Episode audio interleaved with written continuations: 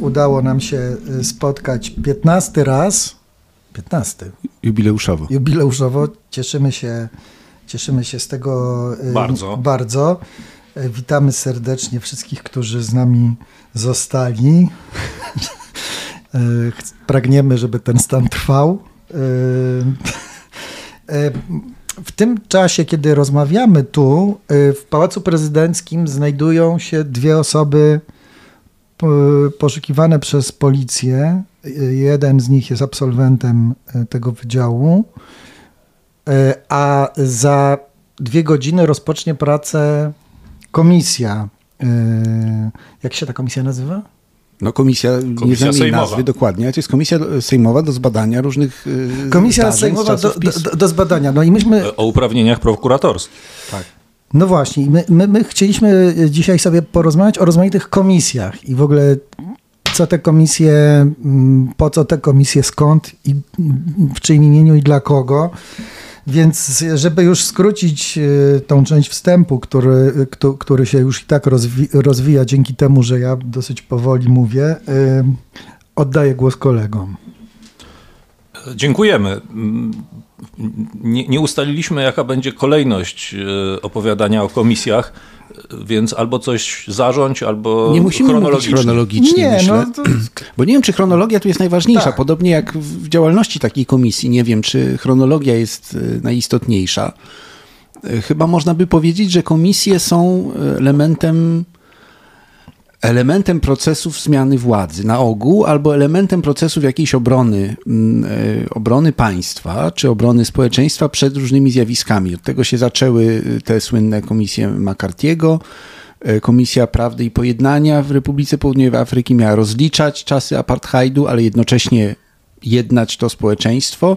Więc ja bym powiedział może tak y, wprowadzająco, że komisje działają przeważnie w napięciu między y, ostrym konfliktem y, politycznym, który, którego są często narzędziem, a jakąś drogą do zrozumienia, pojednania, y, wybaczenia sobie, m, które byłoby połączone z rozliczeniem. I nie wiem, który pierwiastek jest, jest istotniejszy.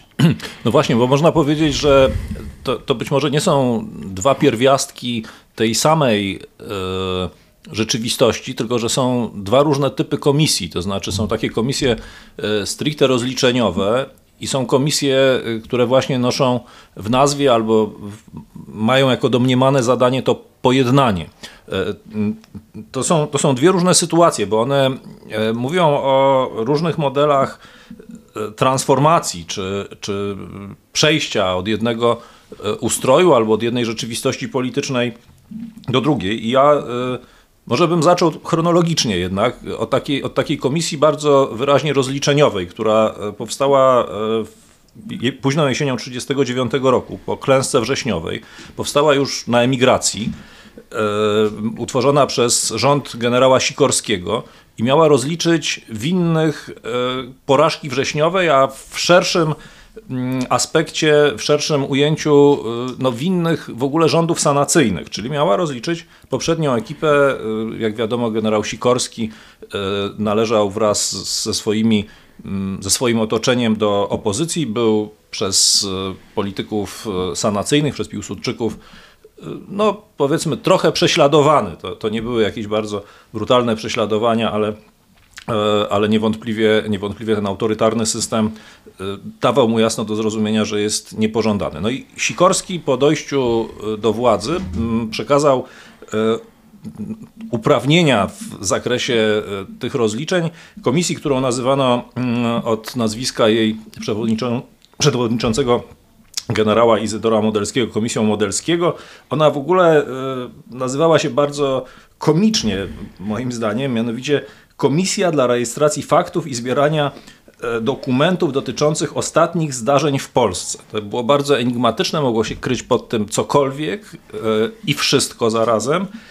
No i ta komisja, e, która zaczęła działać w Paryżu, uznała winnymi klęski wrześniowej i no, tych wszystkich niekorzystnych zjawisk, które miały miejsce wcześniej, kilkadziesiąt osób. Te, te, to byli wojskowi, którzy musieli wyspowiadać się z tego, co robili we wrześniu, zanim zostali przyjęci do polskich sił zbrojnych na zachodzie, czy do struktur cywilnych. Jeśli powierzano im takie funkcje, kilkadziesiąt osób trafiło do obozu odosobnienia, który znajdował się w miejscowości Cerizei pod Angers. Nazywano go e, wiśniowcem od gry słów Cerizei ma źródło słów w wiśniach czy w czereśniach, a, a, a, wiśniowie skojarzył się z wiśniczem, czyli z e, ciężkim więzieniem, które istniało w II Rzeczpospolitej i później e, w PRL. I później drugą odsłoną tego karania winnych był, była już emigracja w Wielkiej Brytanii, gdzie z kolei przeniesiono ich na wyspę Bute w Szkocji, e, e, zwaną przez Polaków Wyspą Węży. I to było uważane za niezwykle niesprawiedliwe, to znaczy e, za instrumentalne wykorzystanie klęski własnego państwa do rozliczeń politycznych. To bardzo później długo ciągnęło się za Sikorskim, jego zwolennikami, Stanisławem Kotem, że oni właśnie wykorzystali ten moment, kiedy yy, no, Piłsudczycy stracili władzę w efekcie klęski, aby dokonać niegodnych porachunków yy, i chyba koniec końców te rozliczenia wyszły Sikorskiemu, nie wyszły Sikorskiemu i jego zwolennikom na dobre. Ale słuchaj, w ogóle jaką oni mieli, że tak powiem, jaki mandat, jaką e, władzę, żeby e, zamykać ludzi, wiesz, rząd francuski udzielił im tego rodzaju prerogatyw, że oni po prostu na ziemi, gdzie działa prawo francuskie, robią sobie we, wewnątrz Polski sąd, a później w Anglii na jakąś wyspę? E, no wiesz, no, by, były to władze suwerennego państwa, e, zgodnie z konstytucją kwietniową, co zresztą jest dosyć zabawne, no ponieważ właśnie, ta, te... ta ekipa kontestowała konstytucję kwietniową, nawet jeśli nie wprost, no to de facto. E, no to oczywiście władze emigracyjne miały wszystkie wszystkie mm, cechy e, władz suwerennych, poza tym, że nie kontrolowały e, terytorium, terytorium. kraju poza ambasadami, prawda, położonymi, znaczy, położonymi znaczy, w krajach sojuszniczych. Francuzi respektowali tak. te wyroki tego, tej komisji i jakby u, u, wydzierżawiali Miejsca odosobnienia. Miejsca odosobnienia. No bo to byli ciągle obywatele polscy, prawda? Ci ludzie, którzy byli przedmiotem tych, e, tych dochodzeń. Tak, no, takie, takie kompetencje władze emigracyjne zresztą miały również wobec swoich obywateli, e, na przykład w związku z mobilizacją, znaczy, że mogły ich e, mężczyzn tak, skierować do, do sił zbrojnych, a więc korzystały, korzystały z uprawnień no, które wiążą się z jakąś, nie wiem, egzempcją obywateli Polski przedwrześniowej na terytorium e, państw sojuszniczych spod jurysdykcji tych państw. Ale słuchaj, a propos tego paradoksu, na który zwróciłeś uwagę, że sądzono ich według konstytucji, którą wcześniej e, bojkotowano, to, to sam generał Izydor Modelski na przykład co robił do 1939 roku i może gdybyś przypomniał, bo przyznam szczerze, że ja tylko pamiętam, że generał Sikorski jakby do y, zamachu przewrotu majowego y, jakby był na topie, a później na topie nie był. Ale co właściwie się działo z tymi wojskowymi y, w czasie tych kilkunastu lat sanacyjnych? Piłsudczycy odsuwali ich z wojska bądź ze stanowisk dowodzenia w różny sposób. Jeśli dobrze pamiętam, Modelski odszedł z armii w 28 roku. Stosunkowo szybko no, dano mu do zrozumienia, że nie jest tam mile widziany, a władze wojskowe mają mnóstwo instrumentów, żeby takiemu człowiekowi e, to e, pokazać bardzo wyraźnie i, i unieprzyjemnić mu służbę. Więc e, ja nie pamiętam, co on robił później, natomiast, natomiast no nie był w czynnej służbie wojskowej, był związany z generałem Hallerem, czy też z Hallerczykami, a więc no, bardzo wyraźnie e, to lokowało go po stronie E, przeciwników Piłsudskiego. E, z Sikorskim historia była e, trochę inna, dlatego że Sikorski odgrywał dużo istotniejszą rolę polityczną już wcześniej. Był premierem, przecież ministrem spraw wojskowych, miał znacznie większe zaplecze polityczne, no i miał też znacznie dłuższy E, za sobą e, ciąg różnych konfliktów z Piłsudskim, które się datowały jeszcze z czasów I wojny światowej, gdy e, Sikorski był mm, austriackim oficerem i no, tej lojalności wobec państwa austro-węgierskiego w przeciwieństwie do Piłsudskiego dochowywał, w każdym razie dość długo. I teraz w latach 30. Sikorski z kolei stał się też bardziej aktywny politycznie, ponieważ związał się z frontem Morsz, czyli mhm. z taką platformą, nazwijmy to centro lewicową, opozycyjną wobec, wobec e, Piłsudczyków. To się Piłsudczykom bardzo nie podobało, oni szukali na niego e, różnych haków. W 1939 roku, kiedy wybuchła wojna, Sikorski próbował bezskutecznie e, powrócić do służby czynnej. Ubiegał się, ubiegał się o to, żeby powierzono mu jakieś istotniejsze stanowisko dowódcze, ale jeśli dobrze pamiętam, to nie nastąpiło. Mhm. A w samej komisji byli jacyś eks-piłsudczycy, tacy nawróceni piłsudczycy, przekabaceni, czy to, było, czy to byli wszystko ludzie jednak to, to byli ludzie, to byli przede wszystkim ludzie, to byli przede wszystkim Zdefaworyzowani. ludzie, tak, których, których wcześniej odsunięto od władzy, no, oskarżano o to, że takim czołowym rozgrywającym tam był Stanisław Kot, czyli polityk e, związany z ze stronnictwem ludowym, y, bardzo niechętny Piłsudczykom, uważany za y, takiego złego ducha y, Sikorskiego, jednocześnie za człowieka bardzo chimerycznego, zmiennego w nastrojach i skłonnego do różnych intryg. E, ale też trzeba pamiętać, że duża część tego czarnego obrazu kota została wykreowana przez ludzi, którzy no, padli ofiarą tych rozliczeń, czy też mieli z nim na pięku już wcześniej, a więc no, jak zawsze w takich sprawach sprawach, kiedy, kiedy są kiedy są bardzo wyraźne podziały, tak? dwa, dwa obozy, no jedni twierdzą, że było bardzo dobrze, drudzy, że było bardzo źle. Skąd my to znamy? Mhm. Tak, no interesujące jest, jak takie komisje funkcjonują w przestrzeni y, publicznej, czy jak są y, transmitowane ich obrady, w jaki sposób są przekazywane publiczności y, efekty pracy, czy to są e, wypowiedzi tych, którzy przed komisjami stają, czy komisja jest tajna, czy jawna. E, często obrady mają charakter tajny z powodów strategicznych i nie mogą być transmitowane, prawda? E, to budzi w opinii publicznej zawsze poczucie no, tego, że jednak coś istotnego jest ukrywane. I to, co widzimy dzisiaj, ten spektakl, który się zaczyna już za półtorej godziny, mhm a jesteśmy w dniu e, tutaj 9 stycznia 2024 roku. Dzień jest to oczywiście historyczny, jak każdy inny. E, zatem publiczność dzisiejsza oczekuje transmisji. Chce mieć to wszystko przed oczami, chce wiedzieć. Natomiast większość tych historycznych komisji obradowała zupełnie inaczej.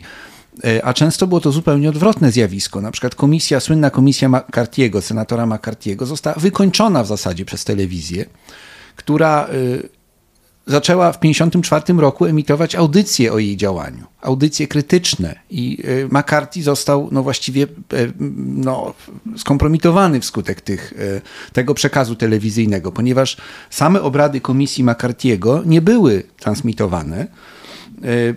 Przypomnijmy sobie o co chodziło. McCarthy, Joseph McCarthy był, był senatorem prawnikiem z Wisconsin, ze Stanów, na północy Stanów, w krainie Wielki Jezior. Bardzo rolniczy stan y, i y, McCarthy robi karierę, y, dość nieoczekiwanie zresztą, człowiek dosyć nieznany, właściwie bez autorytetu, lokalny sędzia, ale nagle robi karierę w partii republikańskiej, zostaje wybrany senatorem i w roku 50 rozpoczyna kampanię antykomunistyczną w Stanach Zjednoczonych. To jest trochę inna sytuacja niż ta, o której Piotrze opowiadałeś, bo mamy do czynienia E, nie z sytuacją po upadku państwa i rozliczaniem winnych, tylko z sytuacją zagrożenia państwa, e, które to zagrożenie jest na pewno realne, ale jego skala jest nieznana. E, a w atmosferze skrajnej, skrajnego napięcia zimnej wojny, 50 rok, no to jest sytuacja skrajnego napięcia, rozpoczynają się ciąg proxy wars, prawda, wojna w Korei, zaczynają się wielkie zbrojenia, a jednocześnie w Stanach Zjednoczonych funkcjonuje no, ogromne, znaczące środowisko lewicy. I to środowisko lewicy ma różne y, związki, czy to bezpośrednie, czy pośrednie z partią komunistyczną. A partia komunistyczna oskarżana jest o działalność agenturalną, tak jak partie komunistyczne w Europie, y, które są traktowane jak no, pasy transmisyjne polityki Stalina. No i teraz Stany Zjednoczone jako główny światowy rywal Związku Radzieckiego, bo jeszcze przecież nie ma w 50 roku Chin, w wyobrażeniu, nie ma żadnego trój, trójkąta rywalizacji, prawda? Są dwie twarze. Jest Stalin i jest Truman. Y, I w to wszystko wchodzi McCarthy, który zaczyna opowiadać, że jego zdaniem Departament Stanu, liczne instytucje amerykańskie, y, media są zainfekowane przez agenturę sowiecką. Agenturę różnego rodzaju, bo to są zarówno tacy jakby jawni agenci, to znaczy ludzie, którzy wyrażają swoje prokomunistyczne sympatie, ale co gorsza, są tajni agenci Związku Radzieckiego, którzy są urzędnikami, którzy są politykami, którzy są finansistami, którzy wszyscy realizują politykę wrogą wobec Stanów Zjednoczonych i próbują je zniszczyć od środka. No, łatwo sobie wyobrazić, że w atmosferze napięcia dopiero skończyła się jedna wojna, zaraz może wybuchnąć następna. Jest złowrogi daleko Stalin, który knuje, że to zyskuje wielkie y, społeczne zainteresowanie. No i McCarthy z tego bardzo szybko korzysta, budując swoją pozycję w establishmencie. No i wyrastają z tego y, dwie komisje, Komisja Izby Reprezentantów i Komisja Senatu, y, ta druga, y, ta druga znacznie głośniejsza, na której czele stoi McCarthy i która prowadzi, y, jak to nazwano, działania zmierzające do odsłonięcia aktywności nieamerykańskiej. Un-American activity. To znaczy, tu zostało to bardzo ciekawie nazwane, ponieważ amerykańskość została zdefiniowana jak gdyby z definicji jako działalność anty, y, antysowiecka, antykomunistyczna. To, co się nie mieści w tym, jest antyamerykańskie. No i komisja robi rzecz bardzo y, ciekawą, mianowicie wzywa osoby bardzo sławne. Nie tylko, różne osoby, bardzo wiele osób. Wiele nieznanych, ale też wiele znanych. Charlie Chaplin, prawda?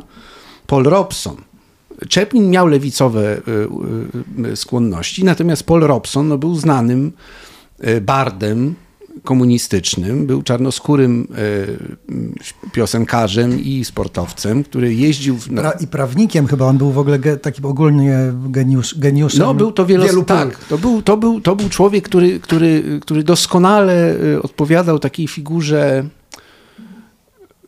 Amerykanina, który kontestuje amerykański system, e, no bo czarnoskóry, prawda, to jest okres strasznej jednak e, jeszcze segregacji w Stanach Zjednoczonych i który jednocześnie jest e, międzynarodową gwiazdą. Trochę jak Yves Montand we Francji, nieco później.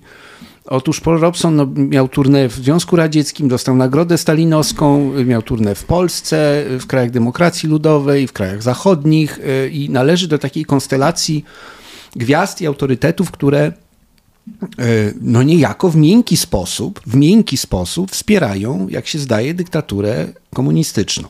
No i Paul Robson, Arthur Miller mhm. został wezwany i wiele innych osób, prawda? I tu się zaczyna e, spektakl, który co prawda, jak mówię, nie miał tego kaweru, jak to się mówi paskudnie, medialnego, ale wszyscy o nim wiedzieli, prasa się o tym rozpisuje. Natomiast McCarthy bardzo ostrymi wypowiedziami, bo to jest też bo to jest też element działania komisji. E, szef komisji może albo przyjąć e, spokojną twarz prawnika, eksperta, który ma badać, albo może dużo gadać na ten temat. Mam wrażenie, że szef komisji, która dzisiaj zaczyna e, obrady w Warszawie, to jest ten drugi typ.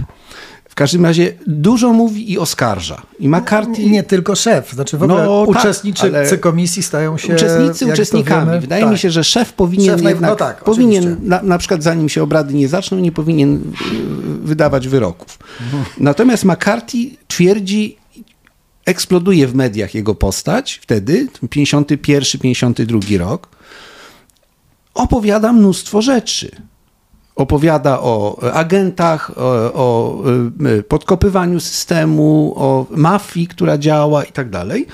Y, no i wchodzi w konflikt z dwiema administracjami prezydenckimi. To, że wszedł w konflikt z Trumanem, który był prezydentem demokratycznym, trudno się dziwić.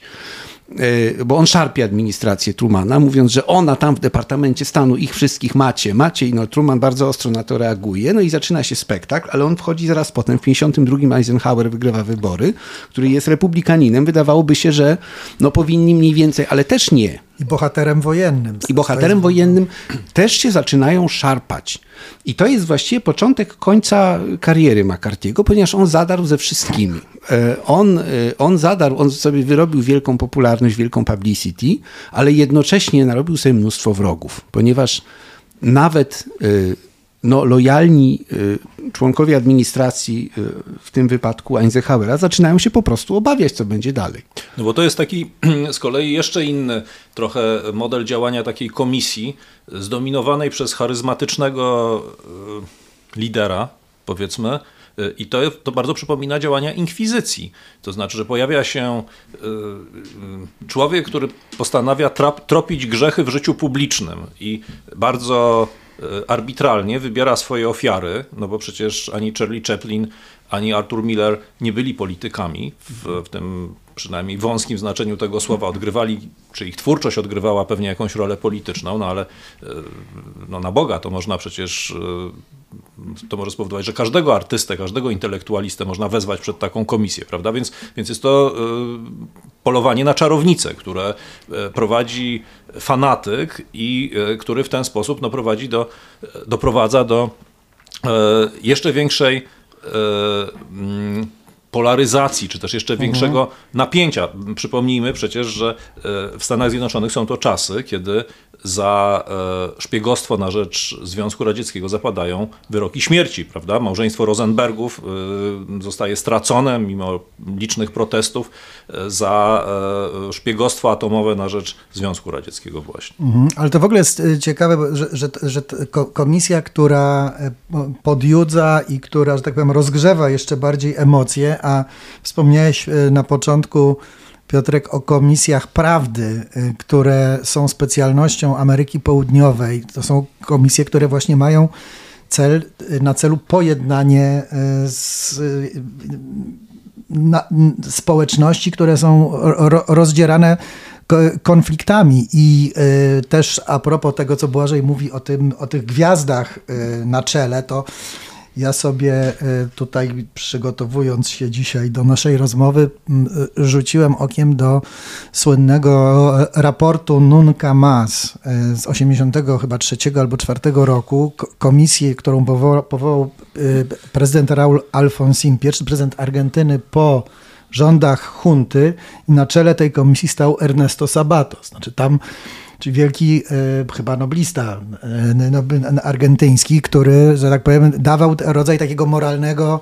Ta, ta komisja była złożona, e, no właśnie, to też była inna komisja, bez tych prokuratorskich prerogatyw, które ma komisja, która już za godzinę rozpocznie swoje działania, no ona miała po prostu, były to tak zwane komisje po prostu prawdy. Chodziło o ustalenie prawdy i potem podanie dalej tej piłki sprawiedliwości. Ale czy one w Ameryce Południowej miały też taką moc e, zawieszania wyroków, bo jeśli e, się nie mylę, to e, inna komisja tego rodzaju, czyli Komisja Prawdy i Pojednania, która powstała w 1986 roku w Republice Południowej Afryki, ona też miała badać przypadki zabójstw politycznych, e, nadużyć władzy i rzeczywiście, i rzeczywiście e, no, znalazła 7 tysięcy przypadków, kiedy e, przede wszystkim działacze czarnoskórzy pewnie, pewnie w ogromnej większości oni zostali zamordowani na e, polecenie władz w Pretorii.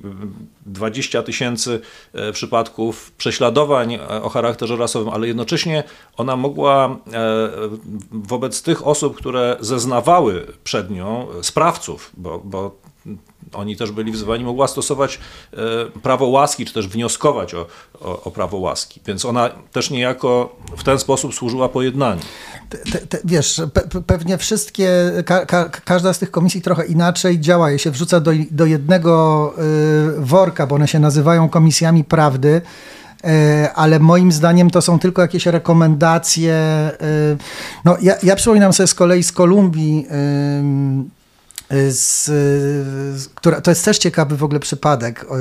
Rok temu zakończyła działanie właśnie Komisja Prawdy po tym, która działała po tym, jak w 2016 roku rozbroiła się teoretycznie największa komunistyczna partyzantka FARC. E, I e, powstał właśnie taki raport, gdzie, jest, gdzie są spisane setki rozmów. Już nie pamiętam, ile tysięcy ludzi zda, zdało swoje re, relacje, ale generalnie cel jest taki, e, żeby pojednać, pojednać te skłócone wewnętrzne, wewnątrz kolumbijskie plemiona, ale wcześniej, przed przed, ale to, co ta komisja zauważyła, że, że my rozmawiamy w Kolumbii o pokoju od, od kilkudziesięciu lat, że tam ten konflikt cały czas nawraca. I poprzednie, poprzednią odsłoną e, tych rozmów o ten wewnętrzny pokój były rokowania z tymi z kolei siłami paramilitarnymi na początku, e, na przełomie lat 2010, e, gdzieś w tej okolicy. No i tam, tam z kolei wszyscy, tam deal był taki, no że jeszcze pamiętajmy o tym, że e, Kolumbia jest no, rodzajem takiego, powiedzmy, mm, patrząc na to z perspektywy radykalnej, terytorium w jakimś sensie, no nie, to, to już zbyt radykalnie na to patrzę, no ale krótko mówiąc, bardzo dużo zależy tam od Amerykanów. No i, i, i część z tych naj, najgroźniejszych, najbardziej. Mm, najbardziej y, winnych y, przywódców y, grup paramilitarnych została po prostu ekstradytowana do Stanów Zjednoczonych, gdzie odsiadują wyroki, które im się za chwilę kończą i wrócą do Kolumbii gdzie, znaczy najpierw odpowiedzieli, krótko mówiąc, za swoje winy w, w, kwestii takich, że dostarczyli do Stanów Zjednoczonych dużo narkotyków, a teraz wracają do Kolumbii odpowiadać za zbrodnie, które popełnili na miejscu. I tutaj sprawa moim zdaniem jeszcze, jeszcze będzie się tam przez lata przez lata toczyła, więc y, te, te, komisje, te komisje moim zdaniem, przynajmniej w, w Kolumbii, takich uprawnień, y, y, że tak powiem, karnych nie mają. No, komisja McCarthy'ego też nie miała uprawnień karnych, ale ona dysponowała, to zresztą podobnie wyglądało w przypadku tych komisji, które są pokazane w e, słynnym filmie z zeszłego roku, Oppenheimer, tak. Christophera Nolana. E, komisje, które miały prawo e, wnioskować o odebranie certyfikatów bezpieczeństwa. Bez certyfikatu bezpieczeństwa nie można było pracować w administracji amerykańskiej i w wielu instytucjach publicznych. To łamało kariery E, ludzi, którzy byli tam zaangażowani. E, to jest, e, to jest w związku z tym, jak gdyby logika uderzania w establishment. Komisje bardzo lubią uderzać w establishment, już niezależnie od tego, czy działają, jakbyśmy to nazwali, sensownie i uczciwie, czy nie. To przede wszystkim ich celem jest establishment. Ludzie to bardzo lubią oglądać. Więc prawda i pojednanie tak, ale z drugiej strony rozliczenie tych, którzy mieli władzę jest bardzo ważnym elementem myślenia w, w, kategoriach takich komisji. Oni mieli władzę, powinni teraz za to odpowiadać. My dobrze wiemy wszędzie, wszędzie na świecie, jeżeli nie mamy do czynienia z, z, z okrutnymi reżimami autorytarnymi, y, jest trudno ukarać rządzących. Y, postawienie ich przed Trybunałem Stanu na ogół jest no, na krawędzi niemożliwości. No, my to z Polski znamy. Ileż kolejnych ekip było było zaangażowanych w jakieś starania o postawienie kogoś przed Trybunałem Stanu. Przed Trybunałem Stanu mieli stawać i politycy PRL-owscy, i politycy trzeciej RP, i politycy czwartej RP. Czas. To są takie tak. straszaki, ale wiadomo, że system demokratyczny z tymi jego różnymi zapadkami i tak dalej nie, nie pozwala tego zrobić łatwo. E, komisja jest trochę takim sposobem, żeby obejść ten e, problem, prawda? Komisja E, nie ma takich uprawnień jak Trybunał Stanu, nie wymaga też takiej większości głosów, nie potrafi też skazać na takie kary, no ale komisja odsłania. Tak.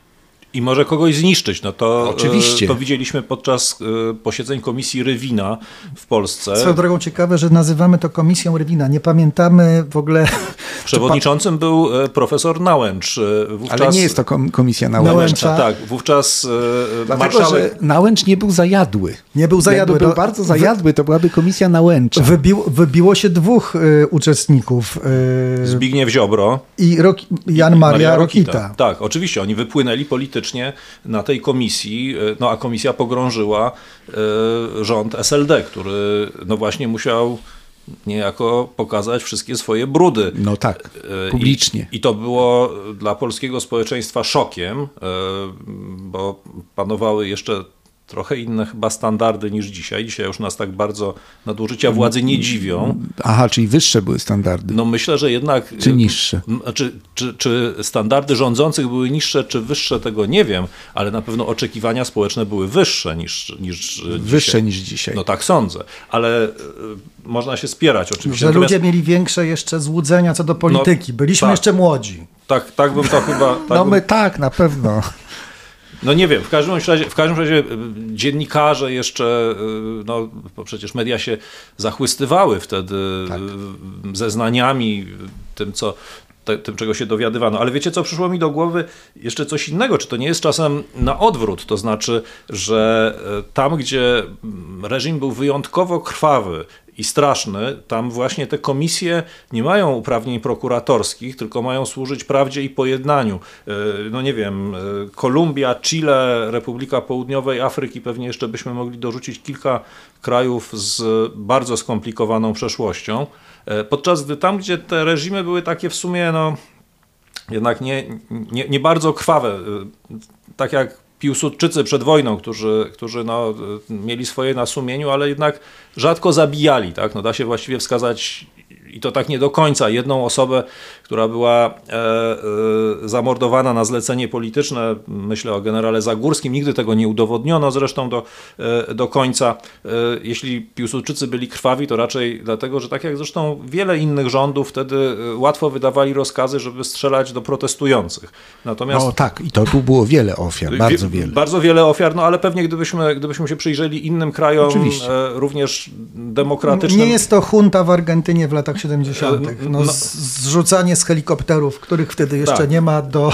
No, no, już były helikoptery, ale nie wymyślono tak. tego jeszcze. Zresztą no, tu, tu mamy tyle zmiennych, tu mamy kultury zmienne geograficznie, odległości czasowe, odległości przestrzenne i tak dalej. No właśnie, ale ja się zastanawiam, czy to nie jest tak, e, że wtedy, kiedy ten konflikt już był bardzo krwawy i doszło do rozlewu krwi, on się zakończył patem w gruncie rzeczy. No tak jak w Chile, gdzie wprawdzie Pinochet y, niejako przyzwala na powrót demokracji, ale przecież cały czas jeszcze jest y, obudowany całą masą różnych bezpieczników, które utrzymują i jego samego w y, takiej sytuacji zupełnej bezkarności i jego zwolenników. Czy to po prostu nie jest tak, że temu społeczeństwu nie pozostaje żadna inna droga, tylko zorganizować właśnie jakiś taki publiczny mm, pokaz sprawiedliwości, który jednak nie prowadzi do, e, do krwawych rozliczeń. Do krwawych rozliczeń, tak? Albo do, do nawet bardzo takich twardych rozliczeń, że no ktoś jest skazany na, na dożywocie, prawda? No tu jest też jeszcze problem oczywiście właśnie tej klasy politycznej. Klasa polityczna rzadko się w całości wymienia. Mhm. Przeważnie to są procesy, mm, w których no, część elity pozostaje, e, część zostaje zrzucona do piekła, e, natomiast tkanka, łącznie z policją, siłą rzeczy w dużej mierze jest ta sama. Mhm. W związku z tym y, te, te rozliczenia przeważnie tak się ślizgają pomiędzy y, no, rzeczywiście koniecznością ukarania i pokazania nieprawości, no ale do pewnego momentu, no, w, w tym momencie zaczynają być zagrożeni członkowie już tej aktualnej elity. Y, I oni oczywiście tego nie chcą, nikt tego nie chce, ponieważ to oznacza demontaż wszystkich instytucji często, prawda? Na tym polega później oskarżenie moralne i polityczne, jakie jest formułowane w toku walki politycznej. To mi trochę przypomina te oskarżenia lat 90., e, mm, formułowane wtedy przez Jarosława Kaczyńskiego i jego środowisko e, wobec III RP które stały się kamieniem, fundamentem myślenia o czwartej RP. To znaczy nie rozliczyliśmy się, a mhm. trzeba było do więzień powsadzać, generał powinien był wisieć i mhm. takie słowa padły z tych mhm. ust, o których przed chwilą mówiłem. Nomina sunt odiosa, już nie będę tego nazwiska nigdy wymawiał w naszym podcaście. E, natomiast e, chciałem przypomnieć o pewnej komisji, która, która została być może zapomniana, e, a miała wiele podobieństw do tej komisji, o której mówił wcześniej Piotr. To znaczy następuje katastrofa. Nie wojenna, tylko gospodarcza. Polska się zaczyna staczać no, do sytuacji nagle i to na oczach ludzi, którzy nie rozumieją tego. Koniec lat 70., dziesiąta potęga przemysłowa świata, kraj mlekiem i modem płynący, w którym ludzie żyją dostatniej i szczęśliwiej. Nagle y, okazuje się, że nie ma cukru, nie ma mięsa, nie ma masła, nie ma chleba, nie ma ogrzewania w zimie stulecia, nic nie ma. Y, a potem wyrasta Solidarność, która, y, która właściwie dewastuje PRL od środka, próbując go zamienić w państwo nie, no nie totalitarne, w każdym razie nie ten model, prawda? I po, zostaje powołana komisja Tadeusza Grabskiego. E, komisja, która nie obraduje w świetle reflektorów, nie obraduje publicznie, nawet jej protokół nie jest, e, przesłuchań nie jest upubliczniony, ona ma charakter partyjny, ona nie jest państwowa, to jest, in, to jest zmienna, prawda? To jest komisja wyłoniona przez władze Polskiej Zjednoczonej Partii Robotniczej. I tutaj to jest bardzo interesująca wielo, nie chcę się rozgadać na ten temat, ale bardzo skomplikowana koronkowa historia. Mm, Wszystkie drogi w tym wypadku prowadzą do Konina. W zeszłym podcaście mówiliśmy o koniach, więc y, teraz o Koninie. Wszystkie drogi prowadzą do Konina, a w Koninie jest najsłynniejszy w Polsce słup drogowy, XII-wieczny, y, który wyznacza mniej więcej połowę drogi między Kruszwicą a Koninem i zbudował go Palatyn, czyli wysoki urzędnik książęcy, nie wiadomo czy to był Piotr Włostowicz czy inny Palatyn, ale taki słup tam jest. A obok tego słupa stoi kościół, w którym są e, takie secesyjne e, polichromie wykonane przez Eligiusza Niewiadomskiego. Czyli tu z kolei zaglądamy do historii Boże, RP. zaczyna, zaczyna się jak udana Brauna, wiesz. Tak, też, też sobie o tym pomyślałem. Zaraz wyskoczą jakieś, jakiś zakon. No tak, więc tam i to w, w Koninie, Koninie, Konin jest bardzo ciekawym miastem, warto odwiedzić Konin, wszystkich zapraszam Tak. do Konina. Konin to jest miasto złożone z dwóch części. Jedna część to jest takie typowe miasteczko z, w stylu Królestwa Polskiego, leżące na granicy z Prusami w, w XIX wieku. O którym dlatego do dzisiaj w Poznaniu mawiają, że od Konina Azja się zaczyna, bo jak się jedzie w stronę Warszawy, no to wiadomo, prawda? Ale jest druga część Konina, która jest znacznie większa i jest z lat 50. i 60. XX wieku. Przemysłowa. Tak, bo odkryto tam wielkie złoża węgla brunatnego w latach 50. i miasto po prostu wystrzeliło. I tam jest bardzo interesująca architektura lat właśnie tamtych. Moim zdaniem koniecznie trzeba to zobaczyć. Ale dlaczego do Konina? W Koninie pierwszym sekretarzem Komitetu Wojewódzkiego był Tadeusz Grabski. E, A Konin był nowym miastem wojewódzkim od połowy lat pięć- e, 70., reforma 75 roku, która e, rozmnaża w Polsce aparat partyjny i takich partyjnych, lokalnych bonzów, takich, jak to można nazwać, baronów partyjnych, których było przed 75 rokiem kilkunastu, a nagle w 75 wskutek reformy jest ich prawie 50. I oni obejmują nowe województwa. I to jest droga nagłej, szybkiej kariery dla różnych ludzi, w tym dla Tadeusza Grabskiego, który był z takiego pokolenia nazywanego pokoleniem ZMP. Bo to był facet urodzony na przełomie lat 20-30. Wielu wtedy działaczy partyjnych wysokiego szczebla pochodzi właśnie z tego pokolenia. To są faceci, yy, którzy mają 40 parę lat, więc są bardzo młodzi jak na aparat partyjny, prawda? Ten, ten taki ustabilizowany. Yy, On jest odmłodzony nagle i rozmnożony w ten, w ten sposób. Yy, Wcześniej yy, Grabski był wojewodą poznańskim. Jego kariera w ogóle była związana z Poznaniem. E, On był, on był technikiem i był jakby, no cóż, no, mój mąż jest z zawodu dyrektorem. On był wcześniej z zawodu dyrektorem. E, e, W końcu był dyrektorem takich bardzo ważnych zakładów automatyki e, Mera w Poznaniu. Potem został wojewodą, a potem został pierwszym sekretarzem w Koninie i to był awans. Bo bycie pierwszym sekretarzem Komitetu e, Wojewódzkiego PZPR to było więcej niż być wojewodą.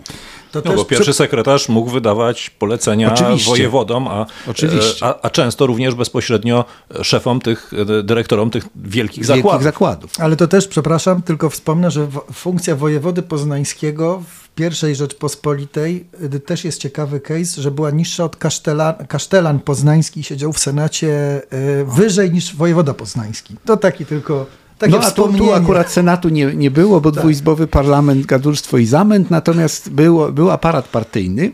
I tu jest, tu jest taka bardzo interesująca historia załamania systemu gierkowskiego. To znaczy, można y, przypuszczać, że w dużej mierze ta katastrofa polityczna, wewnętrzna wynikała z doświadczeń tych nowych pierwszych sekretarzy, bo oni obejmują te województwa w 75.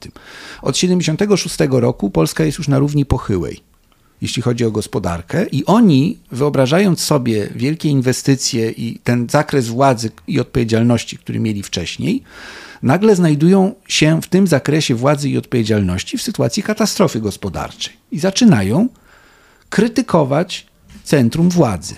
Zaczynają e, tworzyć frakcje, które zmierzają do obalenia Gierka. I w jedną z takich frakcji niewątpliwie Tadeusz Grabski był uwikłany. E, On był e, uważany za człowieka Stefana Olszowskiego. Panowie, Stefan Olszowski umarł trzy tygodnie temu. Co? Stefan Olszowski, który był ministrem spraw zagranicznych dwukrotnym PRL-u, który był jedną z najważniejszych figur lat 70. w PZPR, który uchodził za człowieka, który ma zakusy na stanowisko pierwszego sekretarza I kontakty z Moskwą. i bardzo silne kontakty, paralelne jak gdyby kontakty Tak. z Moskwą w stosunku do Gierka. Otóż ten człowiek umarł trzy tygodnie temu w właściwie całkowitym zapomnieniu. Widziałem nekrologii, w którym się o nim pisało jako o przewodniczącym Związku Studentów Polskich po 1956 roku. No dobrze.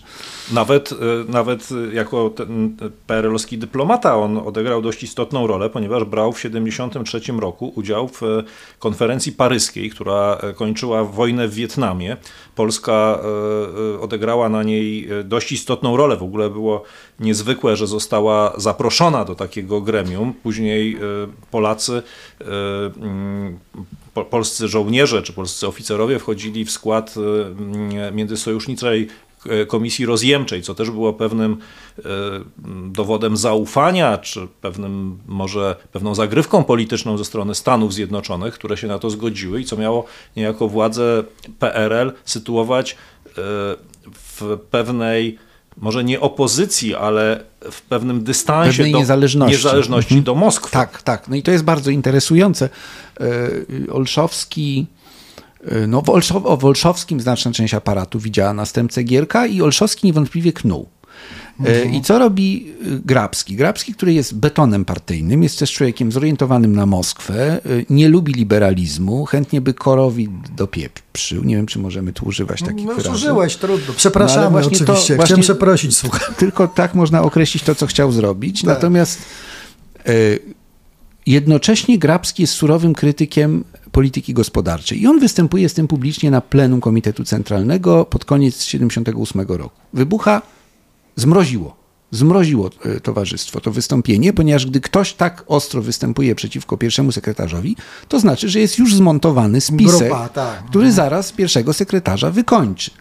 I zbierają się towarzysze Piotr, towarzysz Gierek z towarzyszem Piotrem. No, y, Gierek miał premiera Jaroszewicza i zawsze publicznie mówił, my, my z towarzyszem Piotrem tutaj zrobimy, a wy pracujcie, fedrujcie na szerokim towarzysze froncie, dzieciaci jesteście. Takie rozmówki toczył w czasie tych swoich wizyt gospodarskich. No i y, oni postanawiają się pozbyć Grabskiego jak najszybciej. Y, tylko, że nie mają, nie mają jak, bo wiedzą, że Grabski wyraża głos szerokiego aparatu. Tylko, że zaraz potem następuje zima stulecia i w Koninie siada elektrownia i w ogóle jest katastrofa gospodarcza także tam. On jest o to oskarżony, o zaniedbanie i wyrzucony z Konina. No i teraz Gierek upada, powstaje Solidarność, partia musi zacząć działać po nowemu i sięga po taką zupełnie nietypową dla siebie e, strukturę, jak komisja do zbadania, jak to nazywano, odpowiedzialności osobistej. Nie, e, nie polskiej aktywności, an American activity, prawda, an Polish, tak. tylko e, odpowiedzialności osobistej czołowych polityków sprzed 70, sprzed 80 roku. Oczywiście nie wszystkich. Wojciech Jaruzelski nie był wzywany przed komisję Grabskiego. Stanisław Kania, który jest y, aktualnie w 81 szefem partii, nie jest wzywany. Są wzywani ci, którzy upadli, w tym Gierek. I komisja złożona z osób drugiego, trzeciego garnituru, szczerze mówiąc, no, w niej siedział na przykład, y, pierwszy garnitur to był Tadeusz Fiszbach, który w niej siedział, czyli pierwszy sekretarz w Gdańsku, Gdańsku. który y, asystował porozumieniom sierpniowym. E, Zofia Grzyb. Liberał. Liberał. Tak. Zofia Grzyb, która jest jedyną kobietą w biurze politycznym, chyba po zjeździe, chyba później. I betonem.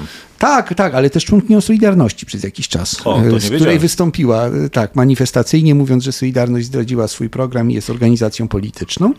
I na przykład Jerzy Putrament, bardzo sędziwy literat i... Czyli to jest ten Ernesto Sabato tak, w, to on, w tej historii. Tylko, znaleźliśmy... tylko bez Nobla.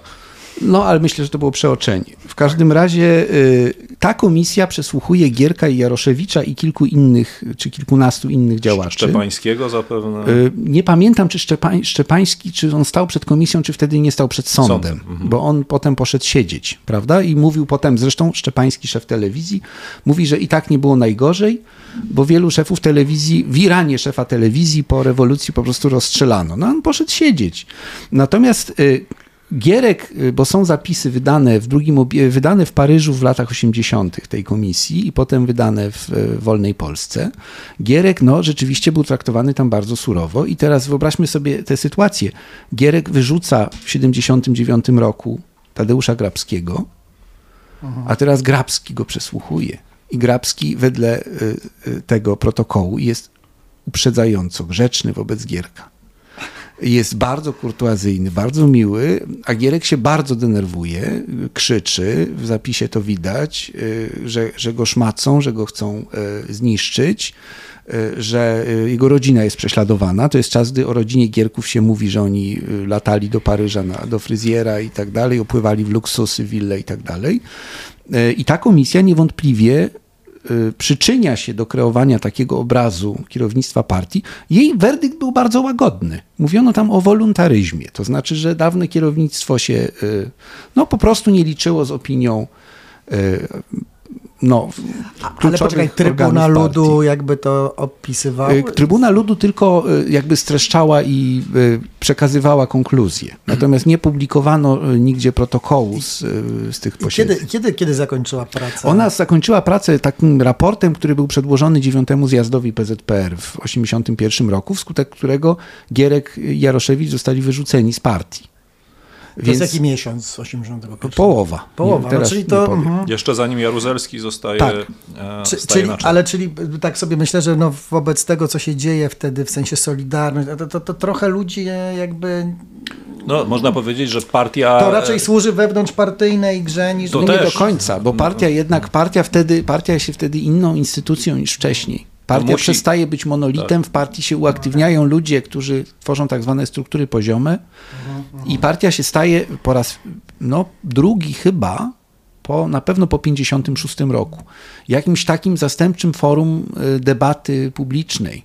No właśnie, bo musi, y, jeżeli chce zachować chociaż resztki wiarygodności, no to musi się rozliczyć, przynajmniej e, pro forma. Ale wiecie, co przyszło mi do głowy, że był w tym jakiś e, ponury chichot historii, bo właśnie ci e, lokalni wojewodowie, czy też pierwsi sekretarze z takich miejscowości jak Konin, oni mieli swój udział w tej gierkowskiej katastrofie gospodarczej. Przypominam sobie taki Oczywiście. fragment z dzienników Rakowskiego, gdzie on opisuje, nie wiem czy właśnie nawet nie, w, nie biorąc za przykład Konin, e, tych lokalnych dygnitarzy, którzy przychodzą do Gierka i Jaroszewicza i zabiegają o to, żeby u nich wybudować na przykład fabrykę domów albo coś takiego, chociaż nie ma do tego żadnych podstaw ekonomicznych, ale oni chcą mieć sukces. W związku z tym domagają się inwestycji. Plan, który ten plan, można powiedzieć, takiej industrializacji, opowiadaliśmy o tym, prawda, czyli technologie z zachodu, później spłata za pomocą produkcji e, krajowej tych pożyczek, które zostały zaciągnięte, no to się wszystko kończy fiaskiem też dlatego, że ten, ten plan e, został całkowicie zmieniony w trakcie jego realizacji. On, on, on już się nie opierał na tych pierwotnych podstawach, które zresztą i tak były e, wątłe. No i e, później paradoks drugi jest taki, że ten e, Grabski, który odgrywa taką rolę w e, rozliczeniu e, ekipy Gierka, zostaje następnie obcięty przez Jaruzelskiego w ramach jednej z takich jego zagrywek wewnętrznych. On obcinał Ciął po skrzydłach. Ciął po skrzydłach, tak, jak ale to mówiono, tam prawdopodobnie prawda? to nie tylko o to chodziło. To znaczy Grabski prawdopodobnie był wikłany w jeszcze jeden e, spisek, który już toczy się w czasie 81 roku i wtedy był widziany przez grono jakichś działaczy związanych silnie z Moskwą i mm. związanych znowu z Olszowskim, który tym razem nie próbuje wychodzić na pierwszy plan. Otóż on miałby zostać pierwszym sekretarzem zamiast Kani, właśnie Grabski. E, I to próbowano załatwić w Moskwie, e, opowiadając tam rzeczy przeciwko Jaruzelskiemu, przeciwko Kani, że są zgnili liberałowie, że oni sobie nie radzą, że tu kontrrewolucja szaleje w Polsce. Powiem zresztą, że e, wystąpienie Grabskiego z 78 roku zostało przez szefa wówczas rządu Jaroszewicza nazwane kontrrewolucyjnym. Więc panowie się wzajemnie oskarżają o rzeczy kontrrewolucyjne i to jest jakby taka, no to jest element nowomowy partyjnej, ale to jest groźny język.